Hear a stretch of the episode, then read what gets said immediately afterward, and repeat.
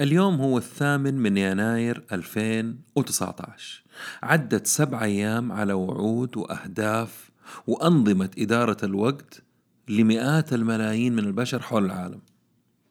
وبدأت تنخفض في الأيام هذه نسبة الحماس تدريجيا من بعد قمتها يوم 31 ديسمبر 2018 وبنهاية شهر فبراير على حسب رأي الخبراء واللي دارسين الموضوع تبدأ تختفي تماما الأهداف هذه والحماس. في دراسة من قبل The Journal of Clinical Psychology تقول إنه مجرد 46% من اللي عملوا New Year's Resolutions نجحوا وحققوا أهدافهم. معناته في أكثر من 50% ما حققوا شيء نهائيا. واللي طنشوا موضوع ال New Year's resolutions والأهداف وما يؤمنوا فيها أصلا كان عندهم اهتمام في شغلة أو شغلتين 4% منهم حققوا هذه الأهداف. أكثر عشرة أشياء في العالم الناس تبغى تحققها كل سنة. أنقص وزني أنظم حياتي أصرف أقل وأزيد دخلي أستمتع بالحياة صحة أفضل أتعلم لغة جديدة أو شيء جديد أتوقف عن التدخين أساعد الآخرين أحب أو أنحب أو أتزوج وقت زيادة مع الأهل. كل سنة مئات الألوف من المقالات بدون مبالغة مئات الألوف من المقالات والبرامج والكلام في نفس الموضوع. وهذا البودكاست منهم. بس دقيقة. هذا راح يكون أحسن منهم كلهم وراح يفيدكم. برضو كلهم يقولوا كذا. عالم البزنس عالم مثير متغير وله جوانب كثير. ولأني بصراحة طفشت من التكرار والفلسفة والمثاليات الغير مفيدة أدور الدروس والمفاهيم الجديدة والقديمة وتأثيرها على حياتنا. أقابل المفيدين فقط بغض النظر عن شهرتهم. بودكاست عالمي بنكهة محلية وأهم شيء عملي وعربي. يا هلا وسهلا بالجميع في بودكاست نتكلم بزنس مع ممدوح الردادي. السلام عليكم ورحمة الله وبركاته. أهلا وسهلا ومرحب بالكل.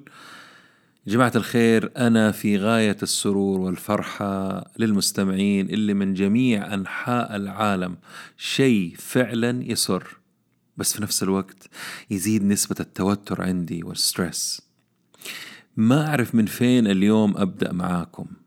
سنة جديدة مواضيع طازة مقابلات واتفاقيات كثيرة تمت في الفترة الماضية آه ووصول البودكاست الحمد لله المركز الأول قبل شهر أو كم أسبوع على iTunes في السعودية في مجال ال business ولا يزال في المراكز الأولى العشرة ولله الحمد ولكم جزيل الشكر. نكمل هذه الأمور بعدين وأعطيكم تفاصيلها. الآن خلينا نخش في الموضوع الموضوع اللي يهمكم ويساعدكم في الإنجاز أكثر. بدون مبالغة خلال 25 سنة تقريبا ما في شيء في إدارة الوقت والتنظيم والأهداف ما قريته وصعب يجي شيء ويفاجئني ما أكون جربته حتى. يعني الإنسان لما يزودها في وسائل إدارة الوقت يعتبر procrastination تسويف آه، وإضاعة وقت والهروب من القيام بالأشياء اللي لازم ننجزها.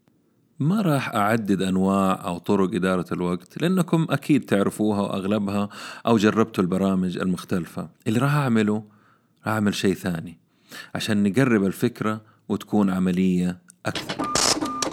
لو عرفنا أنه الموظف حسب دراسات عديدة يتم مقاطعة عمله يعني يقاطعوه في العمل وإزعاجه وطلب منه شيء غير اللي هو بيسويه كل ثلاثة إلى خمس دقائق.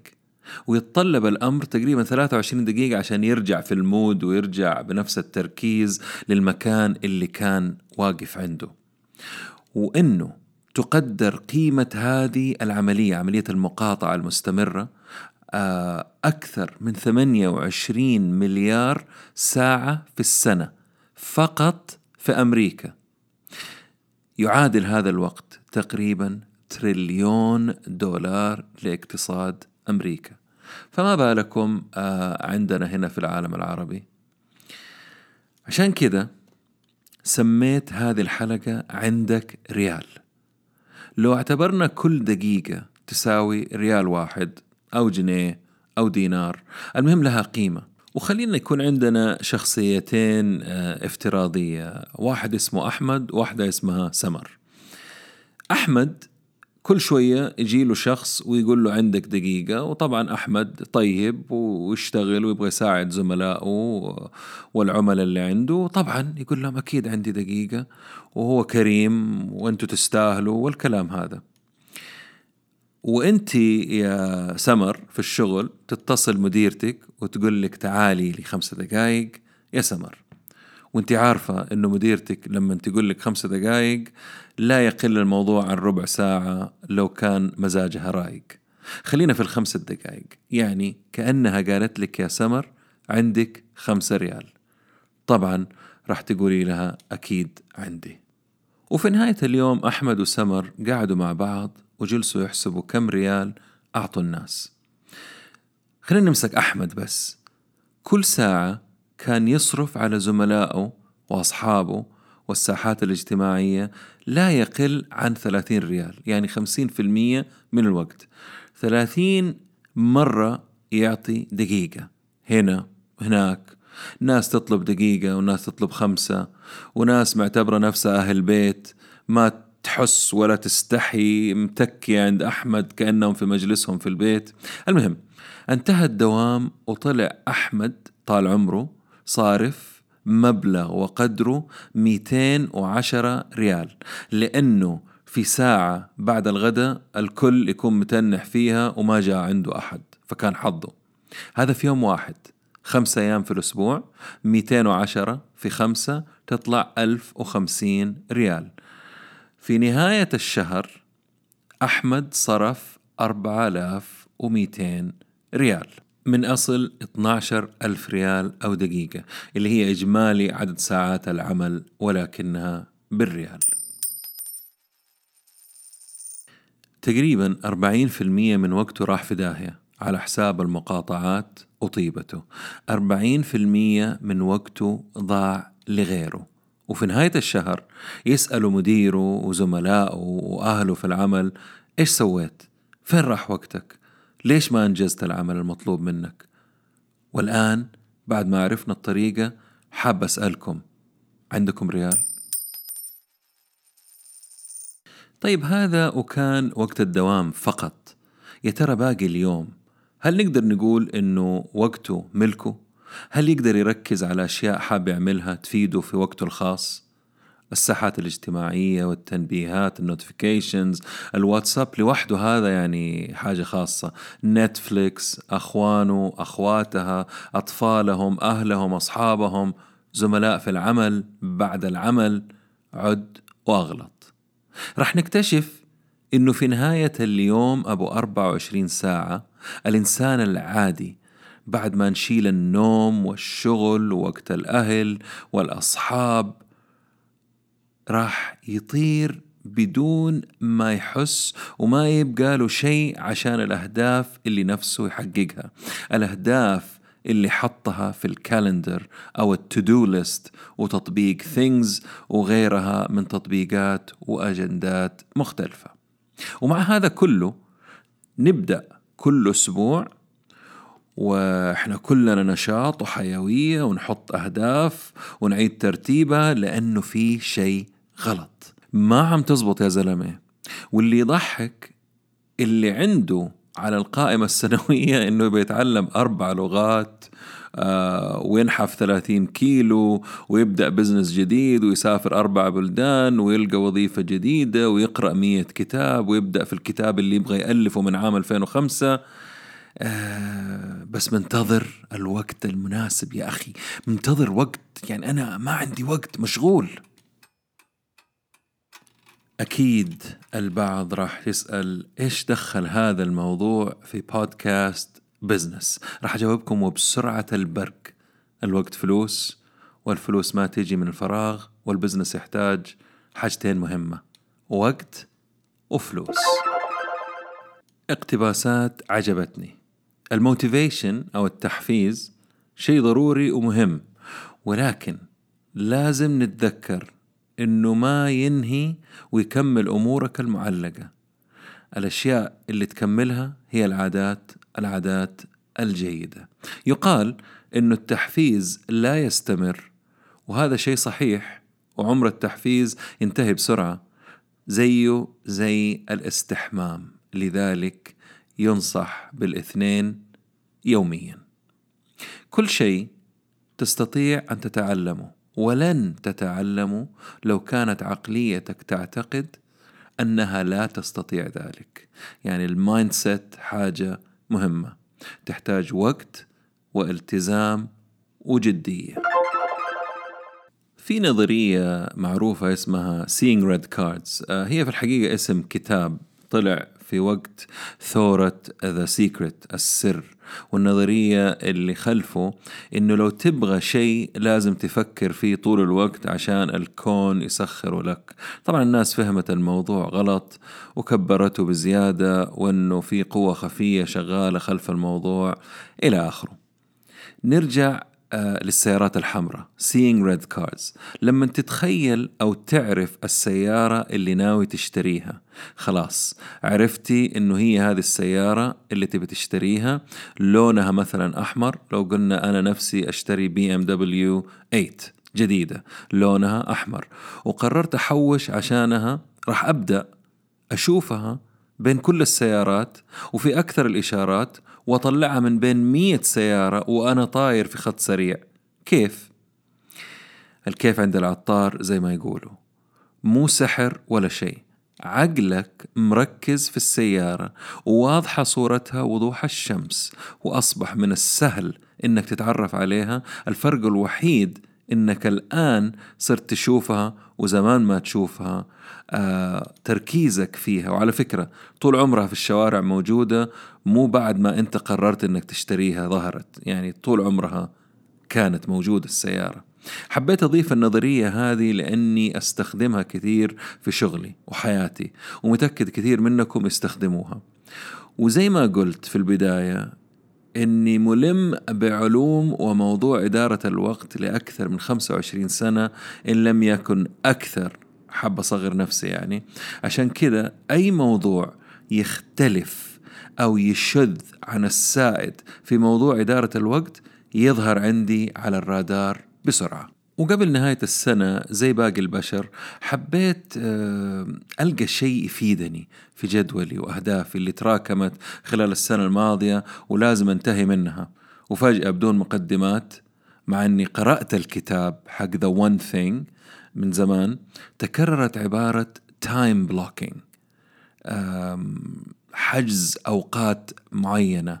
وكل ما تظهر العبارة هذه يظهر جنبها أنسى كل طرق إدارة الوقت التقليدية المتهالكة وركز في هذه الطريقة. قلت يا ولد خليني أجرب وأشوف كيف.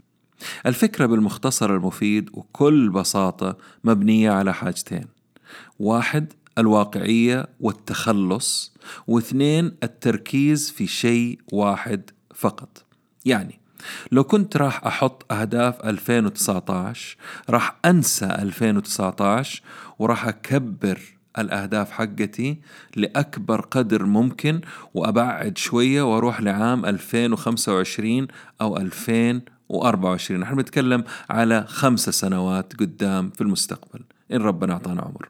السبب أنه الإنسان ممكن يحقق أمور كبيرة وكثيرة في خمسة سنوات والمدة ما هي مرة بعيدة زي لو قلت لكم عشرة أو عشرين سنة عشان حكاية التحفيز.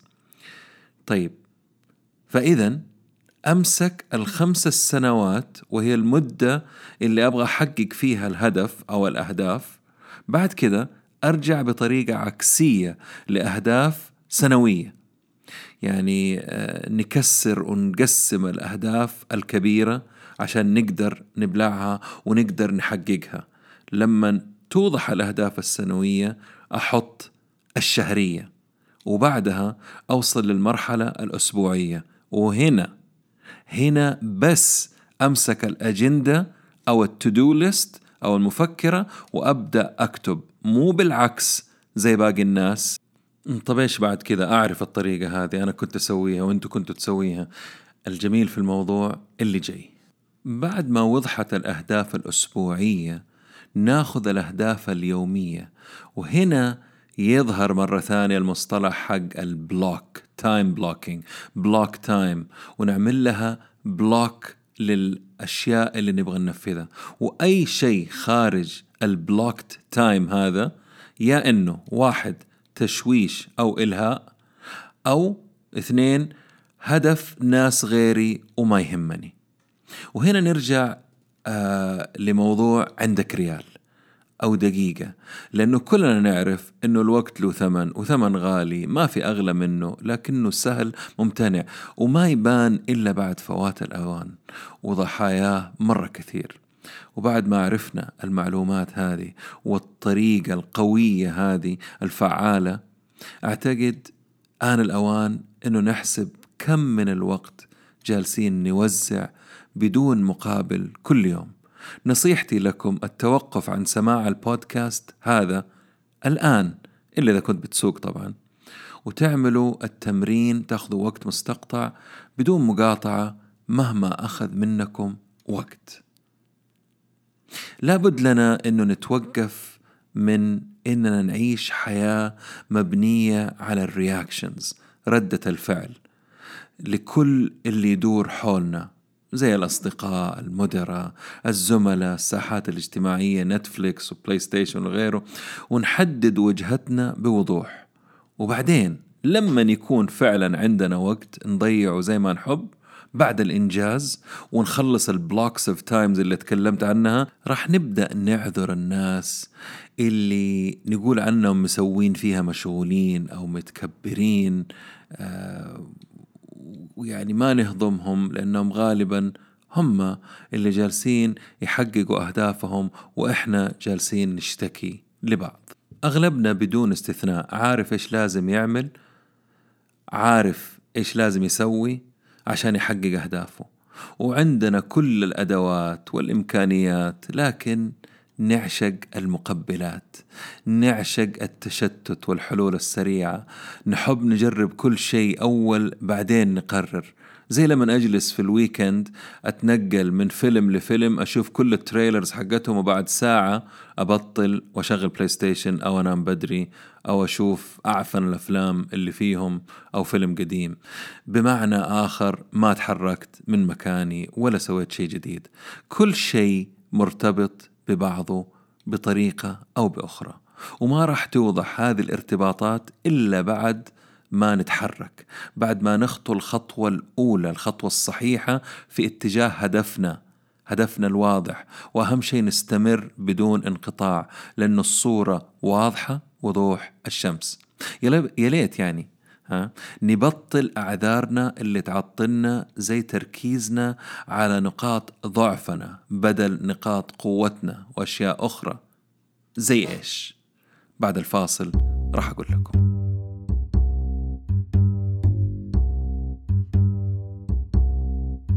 برضو اقتباسين عجبوني قبل ما نخش في ال 14 أو ال 20 شغلة اللي تساعدنا. إحنا موجودين في المكان اللي إحنا موجودين فيه اليوم بناء على قرارات سابقة consequences. يا ترى قراراتك اليوم إيش نتائجها المستقبلية؟ الشيء الثاني أو الاقتباس الثاني لا تضيع وقتك على ناس ما تبغى مساعدة أو ترفضها مهما عملت ما راح تقدر تساعدهم بدون إرادتهم.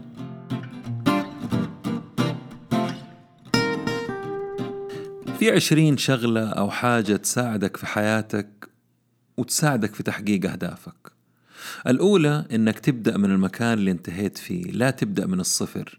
يعني شوف إيش اللي حققته السنة الماضية إيش نفع إيش ما نفع وكمل طريقك. لا تبدأ من الصفر. الشيء الثاني لا تقارني نفسك بأحد غيرك. ارفعي معاييرك باستمرار وما عليك من غيرك ثالث الأمور استخدم الشيء اللي يفيدك وخذ اللي تحتاجه من أي مصدر بدون ما تضيع الفرصة نتيجة عنصرية فكرية أو زعل أو إيش يقولوا الناس. الفائدة هي الأهم.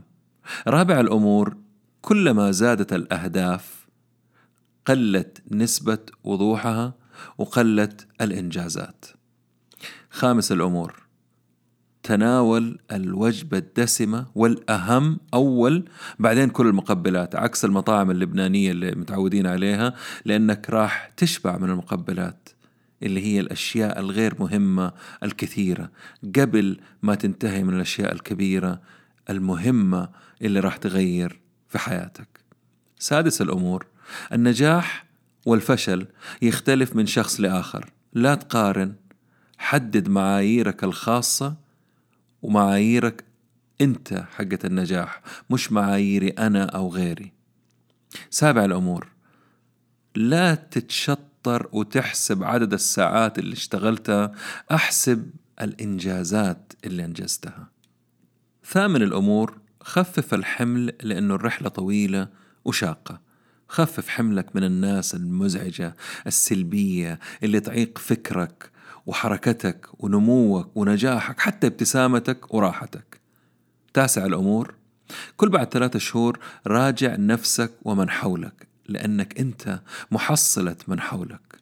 عاشر الأمور. تذكر أنك أنت الوحيد المسؤول عن إنجازك وفشلك وأنت المراقب الوحيد والأهم. 11 زي ما تتوقع وتتمنى المفاجآت الحسنة توقع السيئة واعمل حسابك ولا تطول وتجلس غرقان طويل. نفض نفسك وقوم وراك مشوار طويل. من علامات النجاح إنه كل ما قربت من الهدف أو خط النهاية من أي شيء بتعمله راح تزيد عليك العقبات المطبات وتكثر المناطق اللي أنت ما أنت متعود عليها ولا هي معروفة لك. وكل مناطق الراحة زي ما أنتم عارفين آه عندكم تختفي ومنطقة الراحة أصلا ما في أي نمو يحصل فيها. فبالتالي كل ما اختلف عليك المنظر والأمور أنت قربت لتحقيق الهدف لا توقف أستمر. 13 بعد المدرسة والجامعة الكثير يتوقف عندهم التعليم. أنا أتكلم هنا التعليم الجماعي التعليم اللي كلنا في صف واحد ناخذ نفس المادة نفس الشيء من نفس الشخص بنفس الطريقة. هنا في نقطتين. واحد التعليم الحقيقي يبدأ بعد هذه المرحلة وما ينتهي حتى آخر يوم في حياتنا. اثنين التعليم بعد المراحل الدراسية يكون على كيفك يعني على كارت أنت تختار اللي تبغاه وكيف تبغاه ومتى وفين ومن مين. فنصيحتي خذ العلم من أي إنسان ومكان بدون ما تدخل ما يعني ما تدخل نفسك في تفصيل الناس والنوايا وإيش يقولوا غيرك هل تحبه ما تحبه أنت راح تتزوجه ولا راح تتزوجيه؟ خذ اللي تحتاجيه واللي بعده. يا ليت نبطل حكاية نظريات المؤامرة وإيش يقولوا عني هذا إنسان كريه ما ينطاق ما أطيقه هذا لا تحاولوا تغيروا الناس عشان تستفيدوا خذوا الفائدة وكملوا. مثال. على سبيل المثال جاري في مرة معروف هذا الإنسان على السوشيال ميديا. أنا أتابعه من بدايته. و يعني ألاحقه هذا الإنسان يعني علاقتي فيه غريبة. حب كره انتقاد حب إعجاب كره فجعات متكررة لكن بدون مبالغة. إنسان عنده علم وطريقة مختلفة تناسب الأمور القادمة وإنسان مجرب وناجح وجمهوره يعني كل ماله يكبر مو عشانه كيوت ولا شيء عشان طبيعي. هو على طبيعته وعندي sorry وعنده علم. هاشتاج خذوا علم. رقم 14 تعلم بالطريقة اللي تناسبك. قراءة فيديو بودكاست مجلات علمية محاضرات online training مدونات. مو مهم الطريقة اليوم المهم المعلومة توصل وأعرف أستفيد منها في حياتي أو تفيدني في المرحلة هذه والمرحلة القادمة. أنا أعتقد أنه الأربعة الأشياء اللي راح أقولها بعد كذا هي أهم من كل اللي راح. رقم 15 انتبه للمعلومة هذه.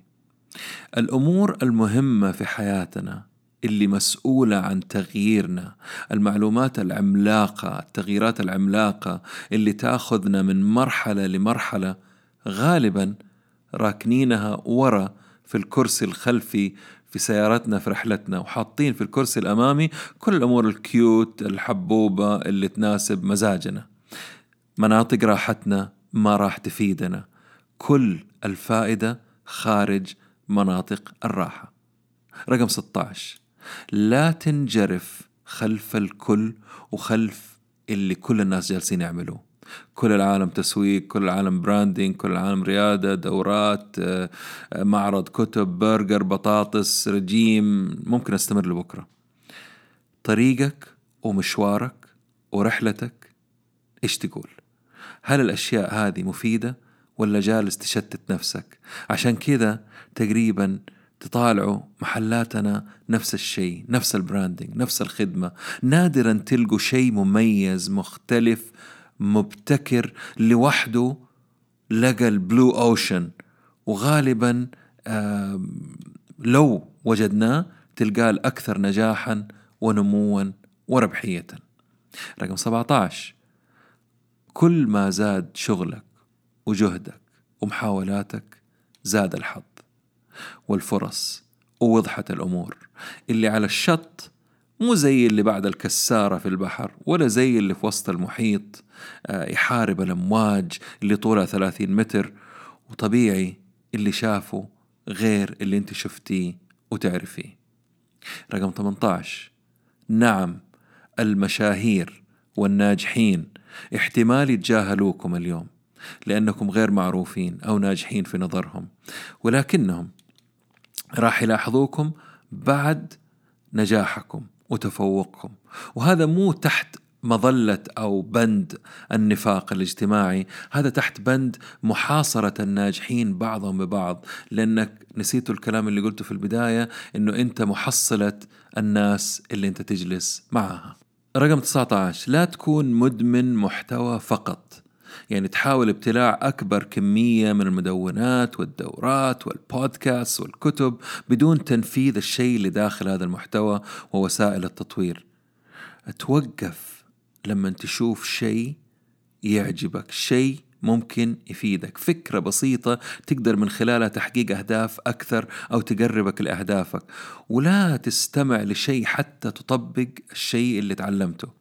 كثرة المعلومات وتجميعها بشكل سريع. طريقة أخرى يا جماعة الخير للتسويف وعدم الحركة والعطلة المبطنة. بلاش نضحك على بعض. يعني أنا من الناس اللي فعلا عندي هذه المشكلة أن أقعد أجمع معلومات وحركتي بطيئة أو أتأخر في تنفيذ الشيء. رقم عشرين. تعلم كيف تربط الأمور وتوصل النقاط بعضها ببعض بدل تلوينها يعني connecting the dots آه، تطبيق وتطوير واختلاف وتميز ونجاح وانفرادية هنا الريادية تجي.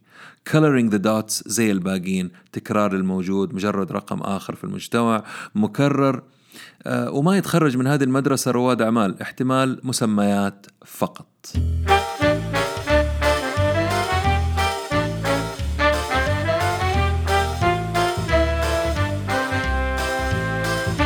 خلينا ندخل business شوية هنا ونتكلم عن Netflix و iTunes شكله راح تقوم حرب بين الاثنين بين Netflix و iTunes بعد ما كبرت آه، Netflix وقدمت طريقة الآن مبتكرة في مسلسل Black Mirror مسلسل الحلقة اللي سوتها الأخيرة عشان أظن نهاية السنة كانت حلقة آه، تفاعلية. يعني أنت تكون بتتفرج على المسلسل الحلقة هذه بالذات وأنت يسألك الجهاز إيش تسوي فأنت تتحكم في مجريات الحلقة. فحاجة ابتكار كذا خطير وطلبت من iTunes إنهم ينزلوا الحلقة عندها آه، رفضت iTunes فهددت Netflix إنها راح تقطع الطريقة حقت الاشتراكات عن طريق Apple و iTunes طبعا هذا الراجل اللي هو آه، Hastings اللي هو ال CEO حق حق Netflix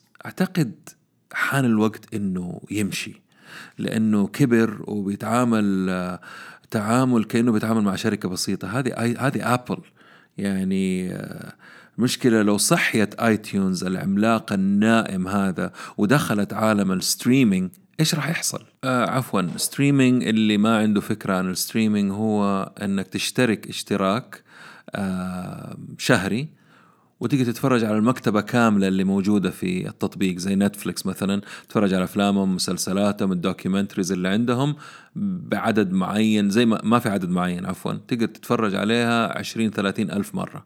إلين ما ينتهي اشتراكك وتجدد من جديد. هذه يسموها streaming service على عكس iTunes اللي تحتاج إلى الآن للأسف تستأجر الفيلم بمبلغ ثلاثة أو خمسة دولار.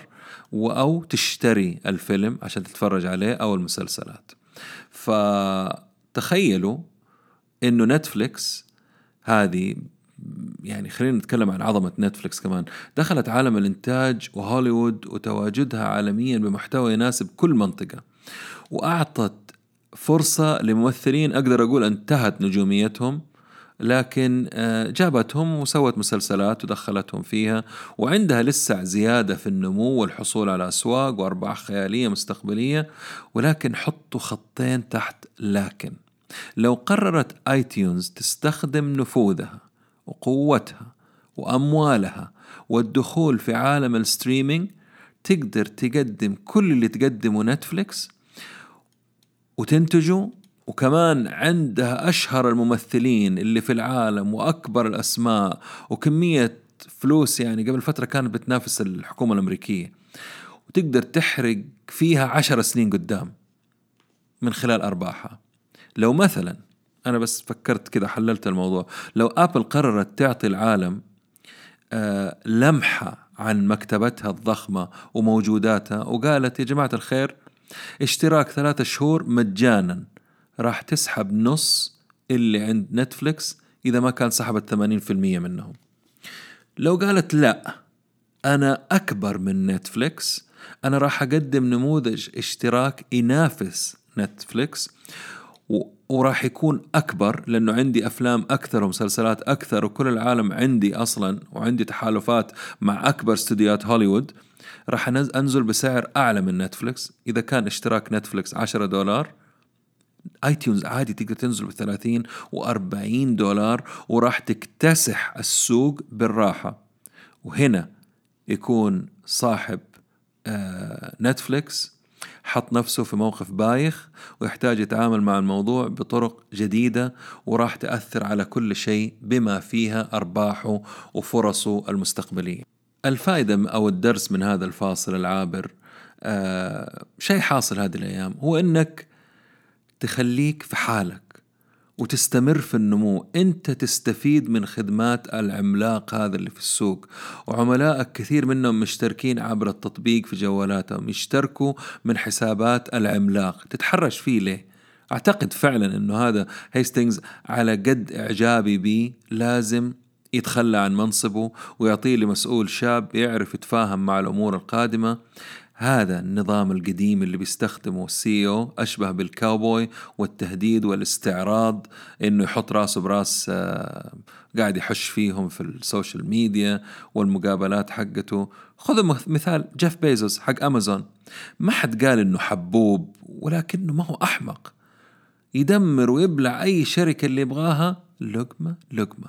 بدون ما أحد ينتبه له. وبالسوق يعني بيستخدم السوق ومصالحه.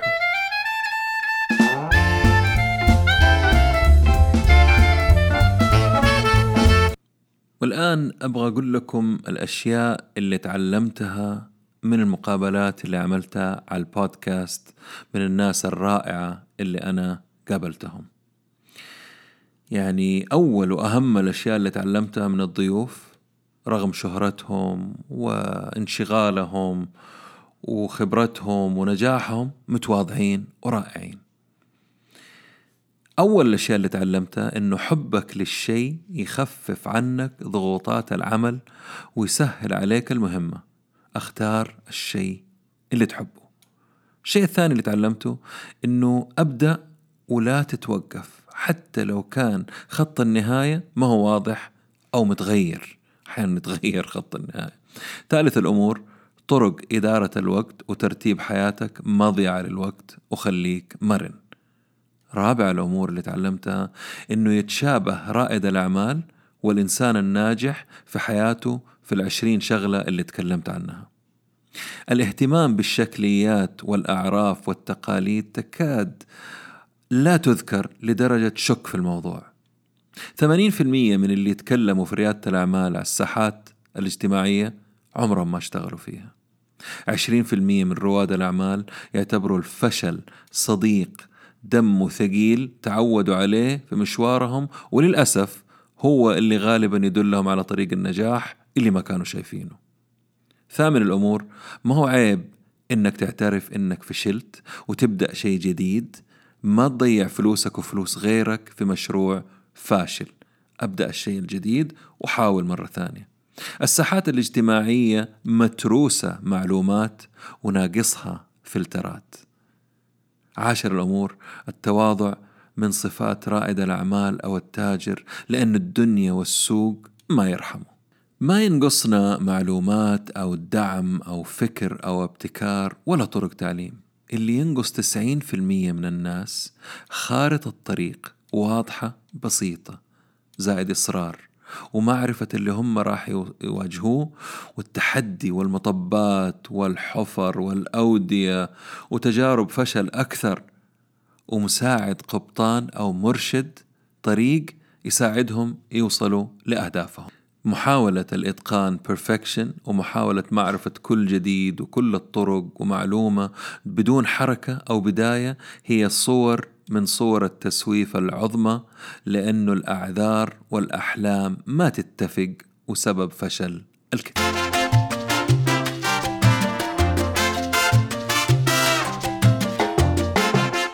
أما على مستوى إعداد البودكاست هذا اللي أنتم بتسمعوه خذ هذه المعلومات اللي تعلمتها.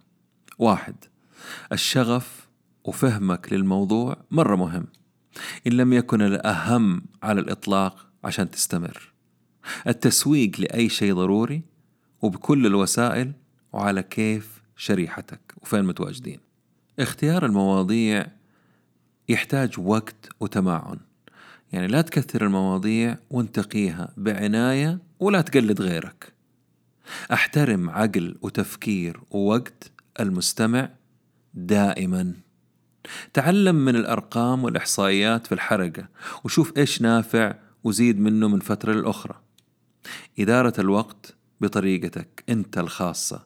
لازم تلقى وقت مع انشغالك لو تبغى تقدم شيء غير شغلك. بكل بساطة لازم يصبح هذا الشيء جزء من عملك. الحب يا جماعة الخير ما في زيه في عملك. اختيار المواضيع اللي تحبها ونفسك تتعلمها بصدق أو تفهم فيها على شكل بسيط وتبغى تتعلم أكثر تختار الضيوف اللي يساعدوك تتعلم عشان تطلع في آه، نوع من المصداقية. أنا لما بتعلم من الضيوف اللي أنا فعلا بتعلم بستفيد منهم بقى أمثل إنه أنا جالس أستفيد. فبالتالي بختار المواضيع اللي أحس إنه فيها نقص كبير في المعلومات عندي أو ناقصني أو المستمع يحتاجها. الصبر مطلوب ومفيد كل شيء ياخذ وقته. وبعدين سبحان الله الأمور تسرع بشكل غريب فأستمر. Always show up. هذه عبارة دائما أسمعها. كون متواجد دائما ولا تختفي فترات طويلة. قدم أكثر مما وعدت. المستمع أحترمك. ورضي يسمعك أعطيه اللي جاء عشانه وزيادة لو تقدر. تركيزك لازم يكون على الفئة القليلة المهتمة اللي فعلا تحترم اللي تقدمه وتحتاجه. لا يهمك العدد الكبير أو أنك تحاول إرضاء الكل أهم حاجة الفئة القليلة المهمة. لأنه بكل بساطة خلينا نكون واقعيين آه، مو كل الناس حيعجبهم المحتوى اللي أنت بتقدمه آه، ولا كل الناس مهتمين فيه فأنت ركز في الفئة القليلة المهتمة. وبكذا جينا لنهاية بودكاست اليوم. أنا غير متأسف على الإطالة اليوم حتى لو ما كان عندي ضيف. الموضوع مهم وحساس ومفيد لي ولكم.